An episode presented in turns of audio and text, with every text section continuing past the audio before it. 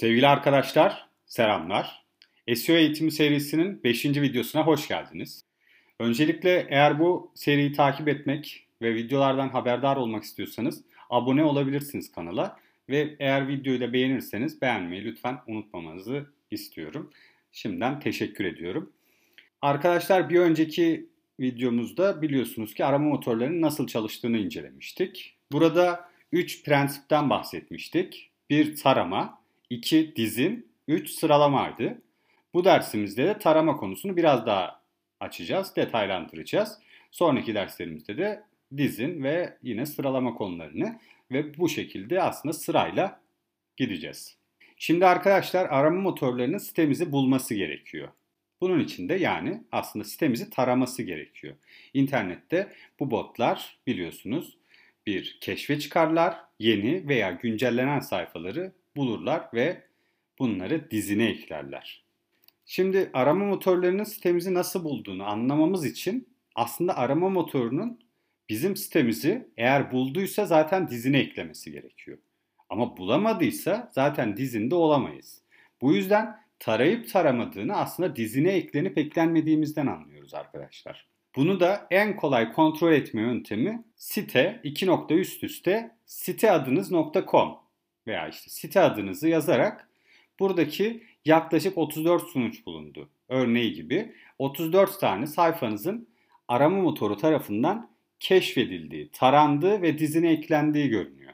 Sitenizin arama motoru tarafından bulunduğunu, tarandığını, dizine eklendiğini en basit şekilde arama sonuç sayfasında çıkması sayesinde anlayabiliriz. Evet, bu en basit yöntem. Ancak burada tabii ki her zaman doğru sonuçlar çıkmayabilir. Yani birkaç tane belki biraz yanılma payı olabilir bu sonuçların. En doğru sonucu Google arama konsolundaki dizin bölümünde kapsam raporlarından görebiliriz arkadaşlar. Burada geçerli olan 34 sayfa, 34 URL görünüyor.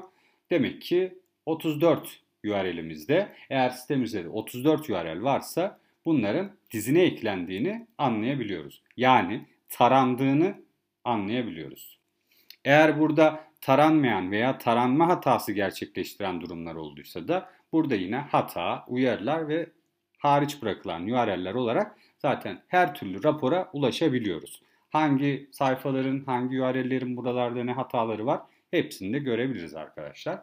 Bu yüzden bu araçtan faydalanacağız. Taramanın iyi bir şekilde gerçekleşip gerçekleşmediğini anlamak için Google arama konsolu dizin raporları altındaki kapsam bölümünden faydalanacağız. Arama sonuçlarında herhangi bir şey görünmüyorsa peki nedendir bu? Buna bakacağız. Zaten böyle bir site yok aslında ama ben örnek olması açısından böyle bir görsel hazırladım sizlere. Bunun birkaç tane nedeni olabilir. Bunun birinci nedeni siteniz yeni veya henüz taranmamış olabilir. Atıyorum 15 dakika önce açtığınız bir sitenin evet bu şekilde sonuçlarda çıkması çok zor olabilir. Sitenize herhangi bir harici web sitesinden bağlantı verilmemiştir. Biliyorsunuz ilk dersten beri de anlattığım gibi aslında arama motoru botlarının iyi hareket etmesinin, hareket kabiliyetinin sebebi nedir? Bağlantılardır arkadaşlar. Bu yüzden bağlantıların gerçekten önemi var. Hem site içinde hem site dışında. Burada da sitenize herhangi harici bir web sitesinden bağlantı verilmemiştir ve bu şekilde de keşfedilmeyebilir. Üçüncü bir neden sitenizin navigasyonu Googlebot'un taramasını zorlaştırıyor olabilir. Yani yine aslında aynı şekilde bağlantı konusu aslında bu da. Googlebot buradaki bağlantıları belki de takip edemiyor olabilir. Dördüncü bir madde ise siteniz arama motorlarını engelleyen kodlara sahip olabilir. Arama motorları tarafından keşfedilmek istemeyen bir sayfa da olabilirsiniz. Bu da arama sonuçlarında sitenizi göstermemeye yöneliktir arkadaşlar. Siteniz spam nedeniyle Google tarafından cezalandırılmış olabilir. Google tarafından cezalandırıldıysanız arama sonuçlarından da kaldırılıyorsunuz arkadaşlar. Arama motoru sitemizdeki her şeyi tarar mı? Arkadaşlar robot.txt dosyasıyla biz bunları kontrol edebiliyoruz. Kök dizininde bulunan bir metin dosyası sayesinde arama motoru botlarına sitemizde hangi sayfaların taranıp taranmayacağına dair yönlendirmeler oluşturabiliriz. Bu sayede arama sonuçlarında hangi sayfalarımızın yer alıp almayacağını da belirlemiş oluruz. Arkadaşlar bu robot.txt dosyasında daha detaylı bir şekilde inceleyeceğiz. Ancak burada arama motoru botlarına aslında şu sayfaları takip et, şunları takip etme gibi bir e, yön çiziyoruz ve onlar da o şekilde taramalarını gerçekleştiriyorlar site içerisinde. Googlebot ve robots.txt dosyası ilişkisine bakarsak, Googlebot bir site için robots.txt dosyası bulamazsa siteyi taramaya devam eder. Googlebot bir site için robots.txt dosyası bulursa genellikle önerilere uyarak siteyi taramaya devam edecek. Arkadaşlar burada genellikle ibaresi çok önemli. Robot.txt'de engellenen ancak Robot.txt'de engellense bile Googlebot'un taradığı bir sayfa olabilir sitenizde. Çok sık rastlanılan durumlar değillerdir ama genellikle önerilere uyarak siteyi taramaya devam ederler. Googlebot bir sitenin robot.txt dosyasına erişmeye çalışırken bir hatayla karşılaşırsa ve dosyanın var olup olmadığını belirleyemezse siteyi tarayamaz arkadaşlar. O yüzden bunlara dikkat etmemiz gerekiyor gerçekten. Yani burada aslında biz neyi öğreniyoruz? Demek ki robots.txt dosyasıyla ilgili de bir kontrol çalışmamız olması gerekiyor. Bir SEO çalışması yapıyorsak. Tarama bütçesi arkadaşlar kısaca Googlebot'un ayrılmadan önce sitenizde tarayacağı ortalama URL sayısıdır. Yani Googlebot'un sitenize geldikten sonra ayrılmadan sitenizde tarayacağı ortalama URL sayısıdır. Bu yüzden önemsiz sayfaları taramasındansa önemli sayfaların taranmama riskini düşürmemiz gerekir arkadaşlar. Özellikle çok fazla URL'e sahip siteler için tarama bütçesini optimize etmek gerekiyor. Çok da önemli bir sonuç bu. Mesela hepsi burada Trendyol, Amazon gibi büyük e-ticaret sitelerinin buna gerçekten çok önemli bir kaynak önemli bir çalışma yapması gerekiyor. Çünkü bu sitelerin tarama bütçesini optimize etmeleri çok ciddi sıralama farkları oluşturabiliyor arkadaşlar. Gerçekten tarama bütçesini optimize ederek bile çok ciddi sıralama değişiklikleri yaşarlar olumlu yönlerde.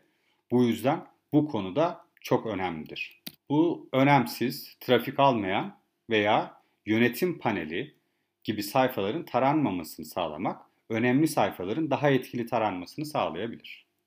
Az önce dediğim gibi.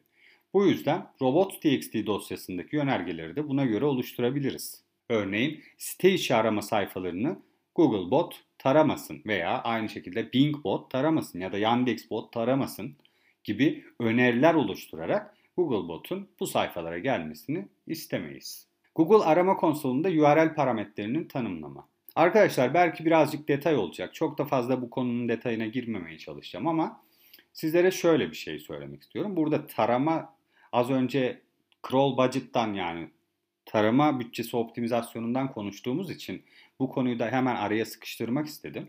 O özellikle e-ticaret sitelerinde belirli parametreleri URL'lere ekleyerek aynı içeriği birden çok farklı URL'de kullanılabilir hale getirilir. Aynı sayfayı farklı farklı URL'lerle göstermemiz demektir arkadaşlar. Bu iyi bir şey değildir. Google bunun için standart bir URL belirlememizi ister. Bunu daha detaylı olarak anlatacağım. Merak etmeyin şimdiden kafanız karışmasın. URL parametrelerini şöyle tanımlayabiliyoruz arkadaşlar. Google arama konsolunda yani robots.txt'de değil bu sefer Google arama konsolundaki URL parametrelerini tanımlama aracında tanımlıyoruz bunları. Sitemizi iyi bir şekilde daha taranabilir daha iyi taranabilir hale getirmeye çalışıyoruz. Botların sitenizin tamamını görmesini engelleyebilecek yaygın hatalar. Şu 3 yaygın hatayı mutlaka incelemeniz tavsiye ediyorum.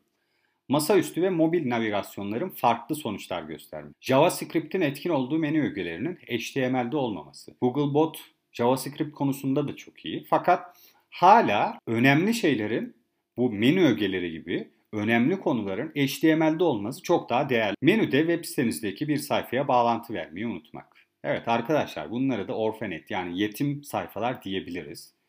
Böyle sayfaları. Yani sitede herhangi bir sayfanın hiçbir bağlantısının olmaması siteyle aslında. Bu tek başına bir sayfa gibi sanki sitenin içerisinde. Bunlar arama motoru botları tarafından belki de taranmıyor olabilir. Bu yüzden bunlara dikkat etmemiz gerekiyor. Ve son olarak da arkadaşlar site haritalarını kullanabiliriz. Site haritası botların sitedeki içeriği keşfetmek ve dizine eklemek için kullanabileceği bir URL listesidir. Yalnızca arama motorları tarafından dizine eklenmesini istediğiniz URL'leri eklediğinizden ve tarayıcılara tutarlı talimatlar verdiğinizden emin olun. Arkadaşlar site haritası sitemizdeki tüm URL'ler demek değildir tüm standart URL'lerdir aslında. Yani site içindeki bir aramanın URL'i burada bulunmamalı. Veya bir yönlendirme URL'i yine aynı şekilde bir site haritasında bulunmamalı arkadaşlar. Arkadaşlar site haritası kullanmak her zaman botların bu içerikleri de keşfedeceği anlamına da gelmiyor açıkçası.